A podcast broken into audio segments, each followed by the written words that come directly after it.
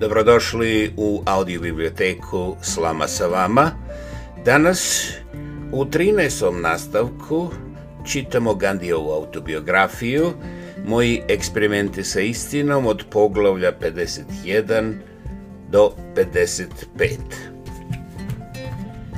Poglavlja 51 je naslovljeno sa dvije strasti. Teško da znam nekoga koji je bio toliko odan britanskom ustavu kao što sam to bio ja. Sada mogu da vidim da je moja ljubav prema istini bila u korijenu te odanosti. Nikad nisam mogao da, da simuliram odanost kao ni bilo koju drugu vrlinu. Na svim sastancima u Natalu kojima sam prisustvovao pjevala se himna. Nisam bio svjestan mana britanske vladavine već sam mislio da je u cjelini gledano ona prihvatljiva. U to vrijeme sam vjerovao da je britanska vladavina u cjelini dobra za one kojima se vladalo. Rasne predrasude koje sam vidio u Južnoj Africi bile su, mislio sam, potpuno suprotne britanskim tradicijama, pa sam vjerovao da su one samo privremene i lokalne. Zato sam se grabio sa Englezima za odanost prestolu. Sa pažljivom istrajnošću naučio sam melodiju nacionalne himne i pridružio bih se pjevačima gdje god se pjevala. Gdje god je postojala prilika da se izrazi lojalnost bez larme ili razmetanja, spremno bih uzimao učešće u tome. Nikad u životu nisam se okoristio tom lojalnošću, nikad nisam težio da pomoću nje steknem neku ličnu korist – za mene je to više bilo kao neka obaveza i ja sam je izvršavao ne nagradu. Kada sam stigao u Indiju, odvijele su se pripreme za proslavu dijamantskog jubileja kraljice Viktorije. Bio sam pozvan da se pridružim komitetu imenovanom u tom svrhu u Rađkotu. Prihvatio sam tu ponudu, prihvatio sam tu ponudu, ali sam se plašio da će te proslave uglavnom biti prilika za razmetanje. Otkrio sam mnogo pohvala u vezi s tim, s njima, što me je veoma zaboljalo. Počeo sam da se pitam treba li da ostanem u tom komitetu ili ne, ali sam na kraju odlučio da se zadovoljim time što ću obaviti svoj dio posla. Jedan od predloga bio je da se sadi drveće, Vidio sam da su mnogi to radili samo da se razmeću i da udovolje činovnicima. Pokušao sam da im objasnim da je sađenje drve pokušao sam da im objasnim da sađenje drveća nije obavezno, već samo prijedlog. To treba ili uraditi ozbiljno ili ne raditi uopšte. Imao sam osjećaj da se smiju mojim idejama. Sjećam se da sam bio izuzetno revnostan kad bih posadio drvo dodijeljeno meni i da sam ga pažljivo zalivao i njegovao. Naučio sam britanskoj himni i djecu u mojoj porodici. Sjećam se da sam njoj prouča, poučavao i učenike lokalnog koleđa za obuku, ali sam zaboravio da li je to bilo tokom tog jubileja ili prilikom krunisanja Edvarda VII kao cara Indije. Kasnije je taj tekst počeo da me nervira. Kako je moje poimanje Ahimse sazrijevalo, postao sam svjesniji mojih misli i riječi. Riječi u toj himni. Rasturi njene neprijatelje i učini da padnu. Obuzdaj njihovu politiku, osujeti njihove podle trikove. Posebno su iritirale moj osjećaj Ahimse. Podijelio sam svoje osjećanja sa doktorom Butom, koji se složio da ne priliči nekom ko vjeruje u Ahimsu da pjeva te stihove. Kako možemo da pretpostavimo da su ti takozvani neprijatelji i podli? Pa, a iako su neprijatelji, da li je sigurno da nisu u pravu? Od Boga možemo da tražimo jedino pravdu. Dr. But je u potpunosti podržao moja osjećanja i komponovao novu himnu za te skupove, ali više o doktoru Butu kasnije. Slično kao i lojalnost i sklonost da njeguje moje prijatelje bila je duboko ukorijenjena u mojoj prirodi. Volio sam da njegujem ljude, bilo da su prijatelji ili stranci, dok sam se u Rađkotu bavio radom na pamfletu u Južnoj Africi, ukazala mi se prilika za kratku posjetu Bombaju. Namjeravao sam da javnost u gradovima obavijestim o tom pitanju, a Bombaj je bio prvi grad koji sam odabrao. Najprije sam upoznao sudiju Randea, koji me je pažljivo saslušao i posavjetovao da se upoznam sa ser Feroz Šahom Mehtom, sudija Badrudin G, koga sam sreo sljedećeg, dao mi je isti savjet. Sudija Ranade i ja možemo da te vodimo samo malo, rekao je. Znaš kakav je naš položaj. Ne možemo da aktivno učestvujemo u javnim poslovima, ali su naše simpatije sa tobom. Čovjek koji može da te efikasno vodi je ser Ferozžah Mehta, Svakako sam želio da upoznam ser Feroz Mehtu, ali činjenica da su me ti ljudi na položajima savjetovali da djelujem na osnovu njegovog savjeta, bolje mi je predočila kakav ogroman utjecaj ser Feroz ima u javnosti. Tokom vremena sam ga upoznao, bio sam spreman da u njegovoj prisutnosti osjetim strahopoštovanje. Čuo sam za popularna imena koja su mu dali i znao sam da ću vidjeti bombajskog glava, nekrunisanog kralja predsjedništva. Ali taj kralj me nije nadvladao. Primio me je kao što bi otac sa ljubavi primio svog odraslog sina. Sreli smo se u njegovoj sobi. Bio je okružen grupom prijatelja i sljedbenika. Među njima su bili i gospodin D.E. Vaka i gospodin Kama, kojima su me predstavili. Već sam čuo za gospodina Vaku. Smatralo se da je on desna ruka Fer, Ser Ferozžaha, a advokat Virchand Gandhi mi ga je opisao kao velikog statističara. Gospodin Vaka je rekao, Gandhi, moramo opet da se vidimo. trebalo je, za sva upoznavanja trebalo je jedva dva minuta. Ser Ferozžah me pažljivo saslušao. Rekao sam mu da sam upoznao sudije Ranadeja i Tjabđija. Gandhi rekao je, vidim da moram da vam pomognem. Moram da ovdje sazovem javni sastanak.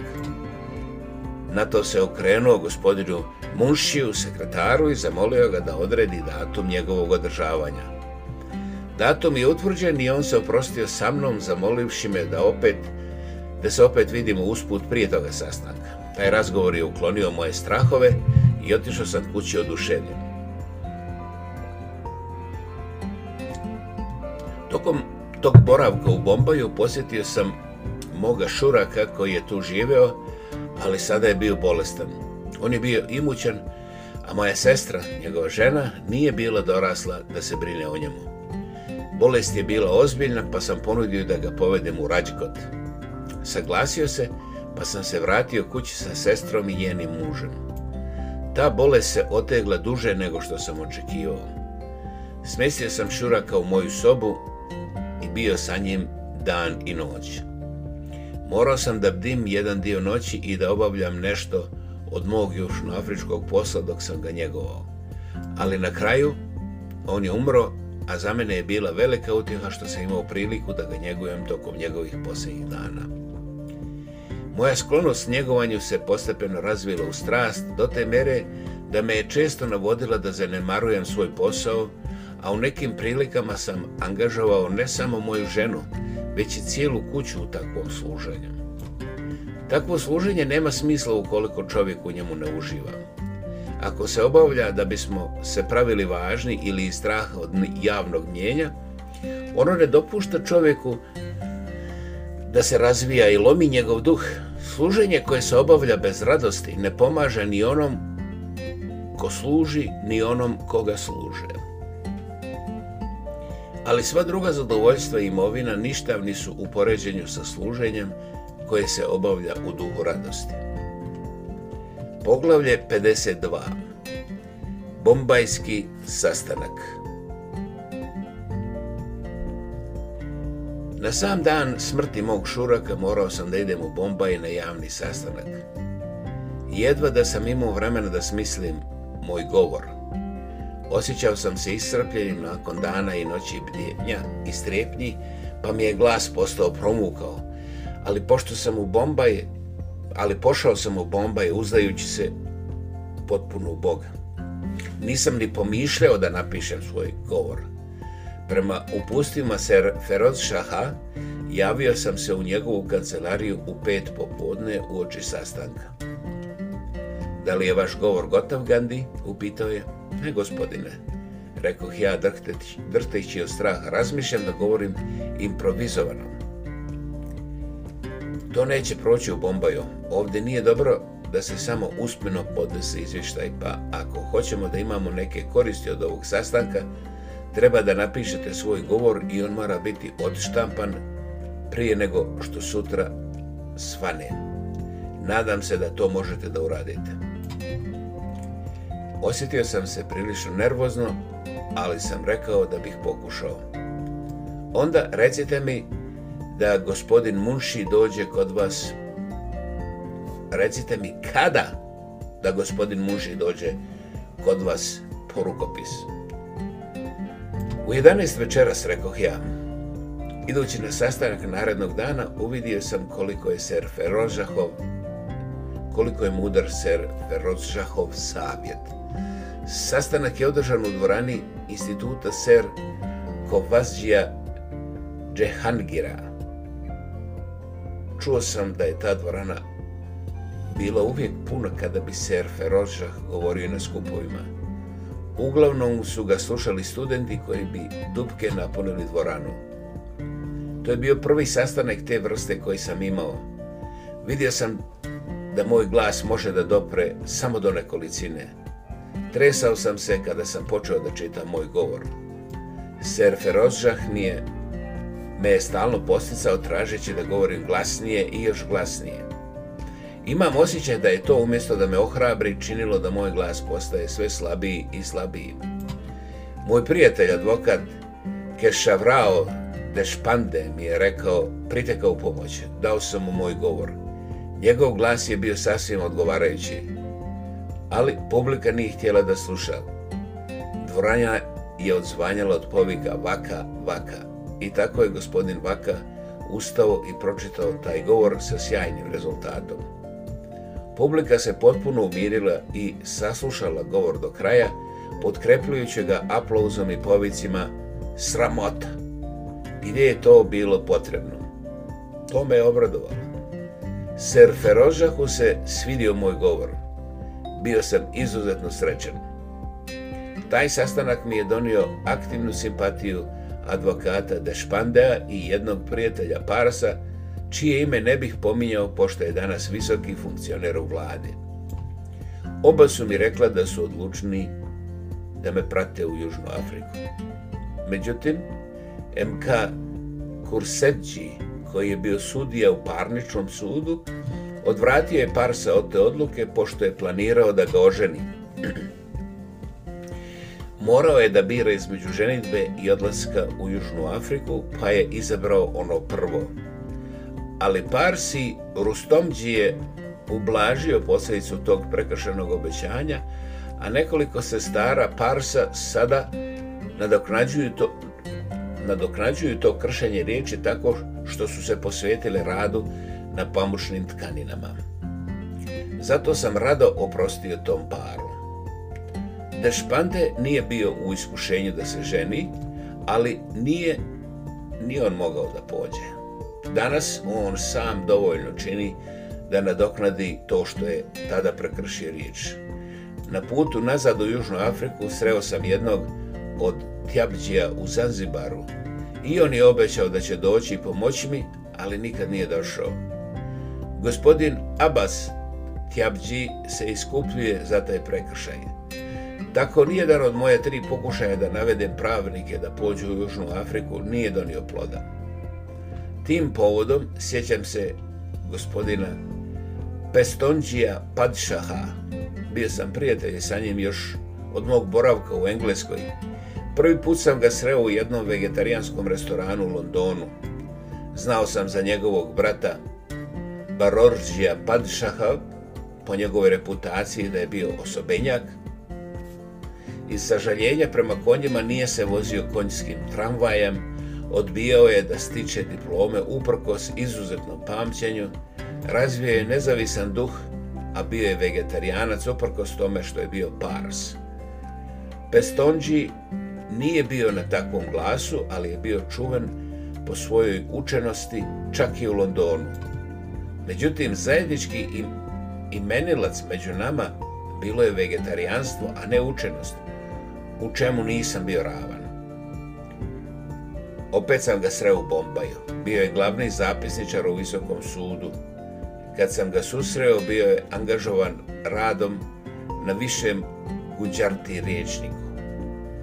Nije bilo prijatelja kome nisam prišao da ga zamolim za pomoć u mom radu u Južnoj Africi. Pestonđi Padšah, međutim, ne samo da je odbio da mi pomogne, već mi je savjetao da se ne vraćam u Južnu Afriku. Ne mogu da ti pomognem, rekao je. Ali kažem ti da mi se ne sviđa čak ni to što ideš u Južnu Afriku. Zar u ovoj zemlji nema dovoljno posla? Gledaj, ima podosta da se uradi za naš sopstveni jezik.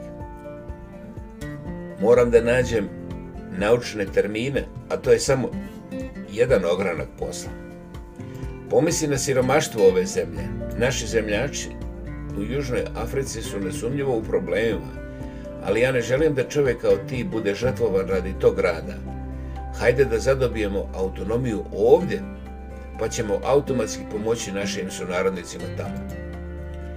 Iako znam da ne mogu da te nagovorim, neću ohrabrivati ni jednog čovjeka tvoga kova da povezuje svoju sudbinu sa tobom. Taj savjet mi se nije svidio, mada je uvećao moje poštovanje prema gospodinu Pestonđiju Padžahu. Impresionirala me njegova ljubav prema svojoj zemlji i prema materijalnom, materinjem jeziku. Ovaj incident nas je još više zbližio. Mogao sam da razumijem njegovo gledište. Ali, daleko od toga da odustanem od mog rada u Južnoj Africi, samo sam učvrstio svoju odluku. Patriota ne može da dopusti da ignoriše bilo koji ogranak služenja domovine. a za mene je tekst Gite bio jasan i naglašen. Na kraju, bolje je da čovjek obavlja svoj zadatak, makar i da ne uspije, nego da se poduhvati zadatka koji nisu njegovi, iako izgledaju dobro. Umrijeti obavljajući svoju dužnost nije zlo, ali onaj ko traži druge puteve, nastavit će da luta. poglavlje 53.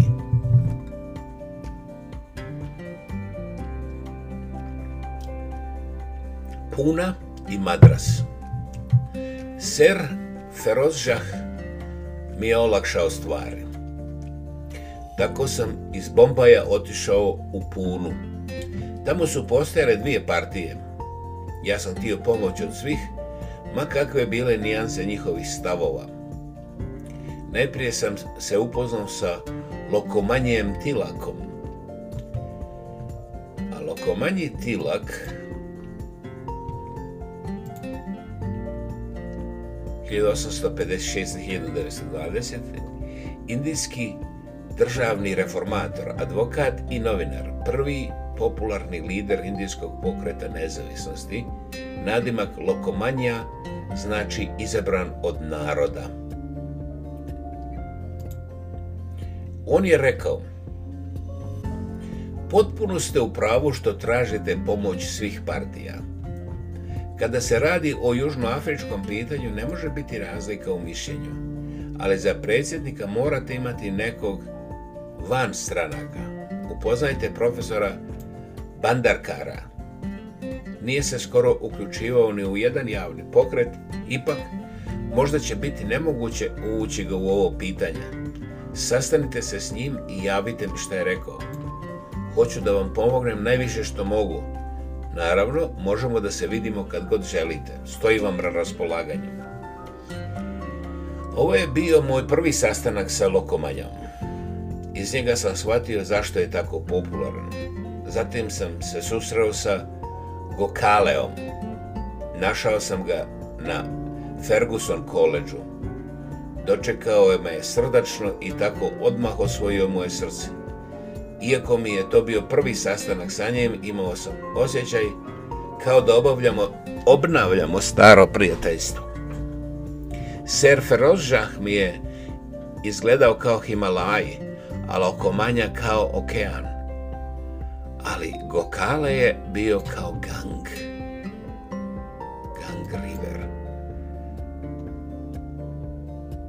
Gopal Krishna Gokale 1866. 1915. je jedan od lidera pokreta nezavisnosti i Gandijev politički guru.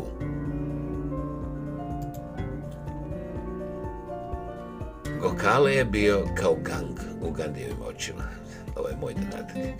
U, u svetoj rijeci čovjek može da se osvježi, Himalaji su nedostižni, na more se ne možemo lako otisnuti dok nas gang mami u svoje njedra. Uživanje je ploviti po njemu u čamcu sa veslima. Gokale mi je podrobno, Gokale me je podrobno ispitao kao što bi profesor ispitao kandidata za brucoša. Pokazao mi je koleđ, uvjerio, mi je, uvjerio me da će mi uvijek biti na raspolaganju, zamolio me da ga obavijestim o rezultatu razgovora sa Bandarkarom i oprostio se od mene izuzetno srećan. U sferi politike, mjesto koje je Gokale zauzima u mom srcu, a zauzima ga i dalje, apsolutno je jedinstveno. Doktor Bandarkar mi je priredio očinski od doček. Bilo je podne i kad sam svratio do njega sama činjenica da sam obilazio ljude u to doba u ovom neumornom u to doba ovom neumornom naučniku je izgledala sjajna i on me je odmah podržao u mom insistiranju da partijska osoba predsjedava sastanku što je izrazio spontanim uzvicima to je to, to je to. Nakon što me saslušao, rekao je, svi će vam reći da se ne petljam u politiku ali vas ne mogu da odbijem. Vaš slučaj je tako jak, a vaša vrednoća je toliko za divljenje da ne mogu da odbijem da učestvujem na tom skupu.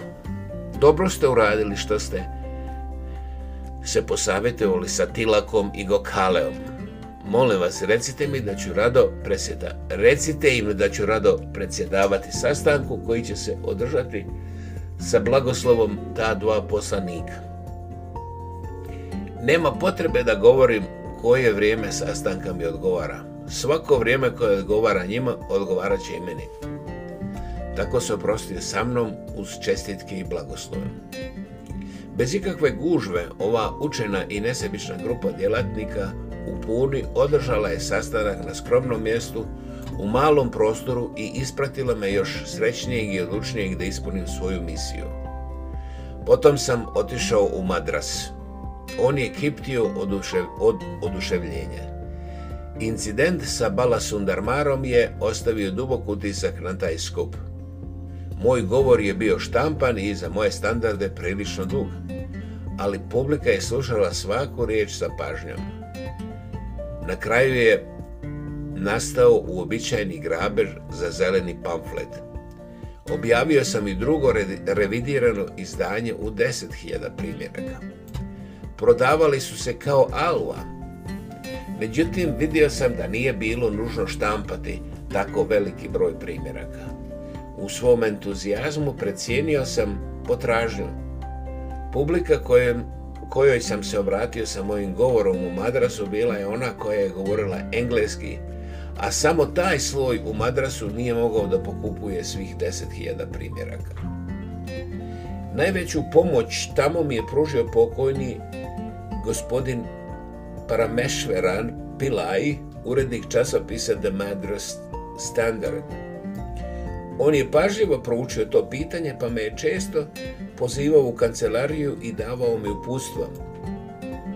Uvaženi Sabramanijam iz časopisa The Hindu i doktor Subramanijam su mi također bili veoma naklonjeni, ali gospodin Parmešvara Anpilaj mi je, strani, stranice The Standarda stavio u potpunosti na raspolaganje pa sam se okoristio tom ponudom.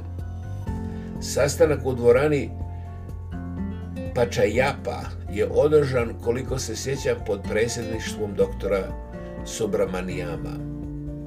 Ta ljubav koju me obasula većina prijatelja koje sam susreo i njihovo oduševljenje stvari – ovom stvari bile su toliko velike da sam se, uprkos tome što sam sa njima morao da pričam na engleskom, osjećao kao kod kući. Ima li prepreke koju ljubav ne može da sruši?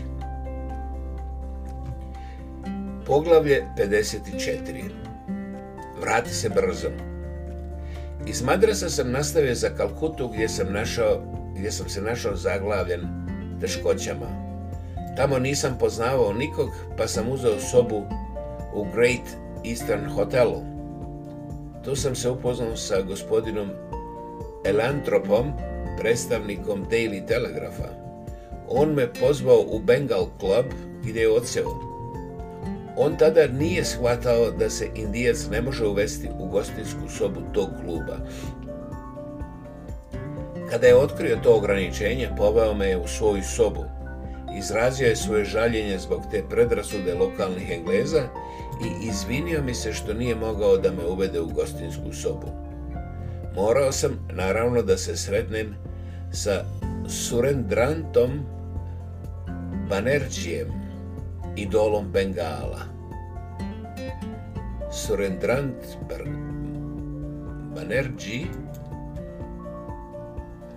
1848. 1925. jedan od najvećih indijskih političara poznat kao Rašta Guru, učitelj nacije. Ili idol Bengala. Kada sam ga susreo, bio je okružen brojnim prijateljima. Rekao je, bojim se da ljudi neće biti zainteresovani za vaš rad kao što znate, ovdje imamo poprilično nevolja, ali morate da date sve od sebe. Morat ćete da steknete naklonost maharadža. Ne zaboravite da se upoznate sa predstavnicima Engleskog indijskog udruženja. Treba da se upoznate sa Rađom, Ser Pjerimohanom Mukarčijem i maharadžom Tagoreom. Obojica su slobodno umni i prilično uključeni u javni rad. Susreo sam se sa tom gospodom, ali bez uspjeha. Obojica su me primili u Kalkuti hladno, pa ako je išta moglo da se uradi, sve je praktično zavisilo od Surendranta Banerđija. Vidio sam da moj zadatak postaje sve teži i teži. Svratio sam u redakciju časopisa Amrita Bazar Patrika, gospodin koga sam tamo sreo smatrao me nekom vrstom nesrećne lutalice. U časopisu Bangabasi je bilo i gore. Urednik me je ostavio da čekam cijel sad. Očigledno je bilo da je bilo mnogo ljudi koji su čekali na razgovor, ali se nije mnogo obazirao na mene, čak i kada se otarasio ostalih. Kada sam se usudio da započne moju temu nakon dugog čekanja, rekao je Zar vi ne vidite da su nam pune ruke? Nema kraja posjetama ljudi kao što ste vi. Bolje da idete. Nisam raspoložen da vas slušam. Na trenutak sam se osjetio uvređen, ali sam brzo shvatio u položaju. Čuo sam koliko je čuven Bangabasi, mogao sam da vidim da posjetioci redovno obsjedaju ovu redakciju. Ali sve su to bili ljudi koji poznaju urednika.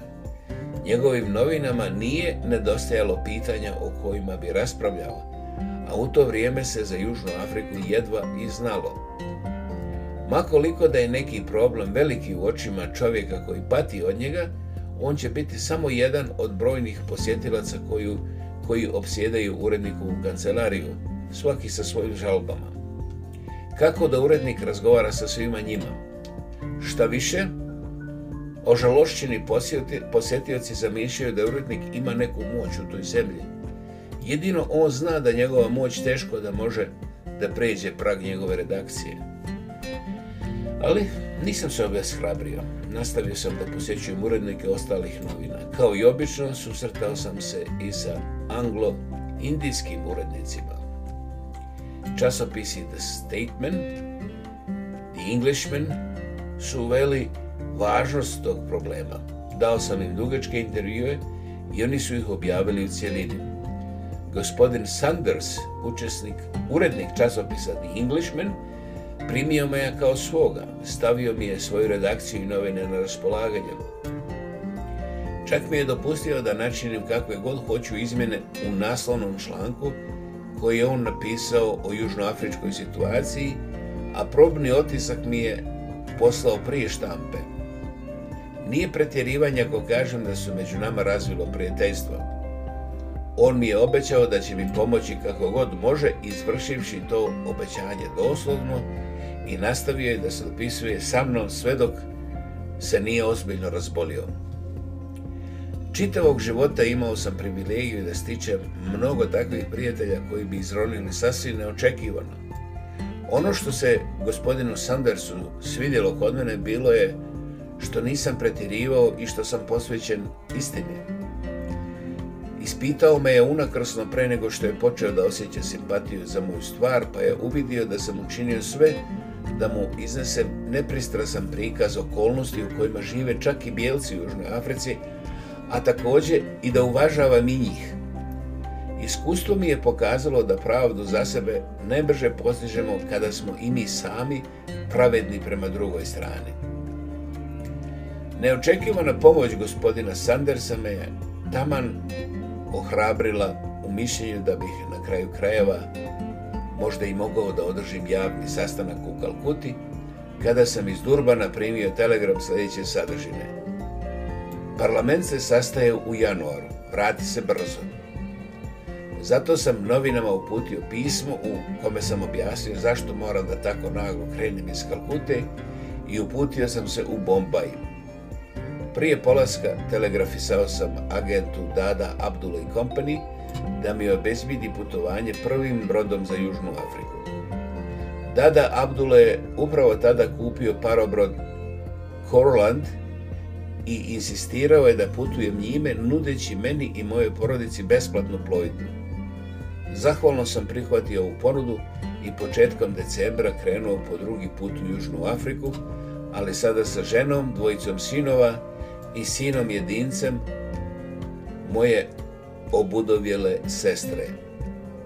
Još jedan parobrod na Derije istovremeno plovio za Durban, agenti i te kompanije bili su Dada, Abdula i Company. Na oba broda mora da je plovilo oko 800 ljudi, od kojih je polovine išlo u transval. Poglavlje 55.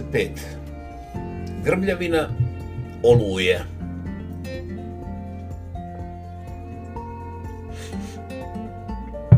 Ovo je bilo moje prvo putovanje sa mojom ženom i djecom. Često sam tokom ove priče napominjao da je zbog dječjih brakova među srednjom klasom Indusa muž obično bio pismen dok bi žena ostajala praktički nepismena. Zato ih je razdvajao široki jaz i muž je morao da postane učitelj svoje žene. Zato sam morao da mislim o detaljima odjeće koju će nositi moje žene i djeca, o hrani koju će jesti i o manirima koji će odgovarati njihovom novom okruženju. Neka od sjećanja na te dane su zabavna kad se osvrnem unazad. Induska žena smatra slijepo poslušnost svome mužu najvišom religijom. Induski muž smatra sebe gospodaran svoje žene koja mora da obigrava oko njega.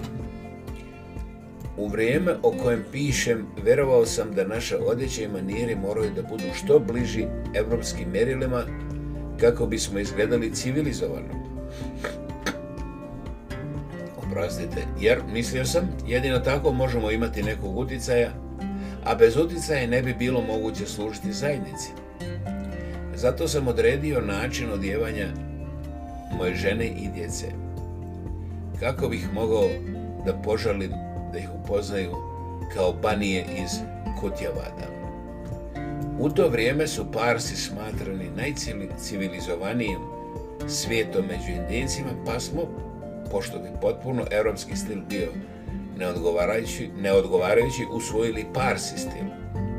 U skladi sa tim moja žena je nosila parski sari, a dječaci parski sako i pantalone. Naravno, niko nije mogao da bude bez cipela i čarapa. Prošlo je dugo prije nego što su moja žena i djeca navikli da ih koriste. Cipele su im stezale noge, a čarape smrdile na znoj Nožni palčevi bi ih često boljeli. Ja sam uvijek imao spremne odgovore na te primjedbe, ali imam utisak da ti odgovori nisu uspjeli da ih ubijede toliko koliko snaga autoriteta. Složili su se sa promjenama u odjebanju, jer nije bilo alternative. U istom duhu, ali sa još više odbojnosti, usvojili su korištenje noževa i viljuški. Kada se moja zaluđenost tim znacima civilizacije smanjila, i oni su odustali od viljušaka i noževa. Nakon što su već dugo vremena navikli na taj novi stil, možda im je bila isto toliko, tolika gnjavaža da se sad vraćaju na prvobitni način ali danas vidim da se svi mi osjećamo slobodnije i lakše kad odbacimo šljokice civilizacije. Na istom brodu sa nama bili su neki naši rođaci i poznanici. Sretao sam često i njih i druge putnike sa palove pošto sam bio slobodan da se krećem po brodu svuda i kad god sam htio, jer je pripadao mojim klijentima i prijateljima. Pošto je parobrod išao pravo u Natal, bez vraćanja u usputne luke, naše putovanje je trajalo samo 18 dana. Ali, kao da nas upozorava na dolazak prave oluje na kopnu, strašna bura nas je zahvatila kad smo bili na samo 8 dana od Natala. Decembar je ljetni mjesec monsuna u južnoj hemisferi, pa su oluje velike i male sasvim uobičajene u Južnom moru u to doba. Oluja koja nas je zahvatila bila je tako snažna i dugačka da su se putnici uspaničili. Bila je to svečana scena. Svi su postali jedno pred licem opasnosti. Zaboravili su svoje razlike i počeli da misle o jednom i jedinom Bogu. Muslimani, Indusi, Hršćani, svi. Neki su dali razne zavjete i kapetan se pridružio putnicima i njihovim molitvama. Uvjeravao ih je da, iako oluje jesu opasne, on je preživeo i mnoge gore i objasnio im da dobro građen brod može da odoli skoro svakom vremenu. Ali oni su bili neutješni. Svakog minute čuli bi se zvuci i lomljava koji bi mogli da nagoveste pukotinu i prodor vode. Brod se ljuljao i drmao toliko da je izgledalo kao da će potonuti svakog trenutka. Nije bilo ni govora da bilo ko ostane na palube. Neka bude njegova volja, to je bio jedini vapaj na svačijim usnama. Koliko se sjećam, u toj nevolji mora da smo proveli 24 sata. Najzad se nebo razvedrilo, pojavilo se sunce i kapetan je rekao da je oluja prošla lica ljudi su zasjela od radosti, a sa nestankom opasnosti nestalo je i Božje ime sa njihovih usana.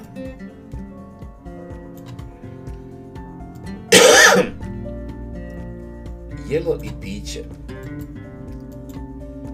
pjevanje i zabava opet su postali uobičajeni. Strah od smrti je nestao i prolazno molitveno raspoloženje ustupilo je mjesto maji. A šta je Maja? Maja je iluzija, privid, kosmički veo koji prikriva pravi, pravu stvarnost. Na individualnoj ravni uzrokuje neshvatanje svoje prave prirode. Bilo je naravno uobičajeni, uobičajenih klanjanja i molitvi, pa ipak one nisu imali ništa od svečanosti onog strašnog časa. Ali Oluja me ujedinila sa putnicima. Malo sam se plašio te oluje pošto sam već doživio slične. Ja sam dobar mornar i ne, pa, i ne patim od morske bolesti. Zato mogu da se bez straha kreće među putnicima donoseći im utjehu i dobro raspoloženje i prenoseći im redovni izvještaj kapetana za svaki sat. Prijateljstvo koje sam tako uspostavio mi je kao što ćemo vidjeti, bilo od velike koristi. Brod je bacio sindro u Luci Durban 18. ili 19. decembra. I na Der je stigao istog dana, ali prava oluje tek trebalo da dođe.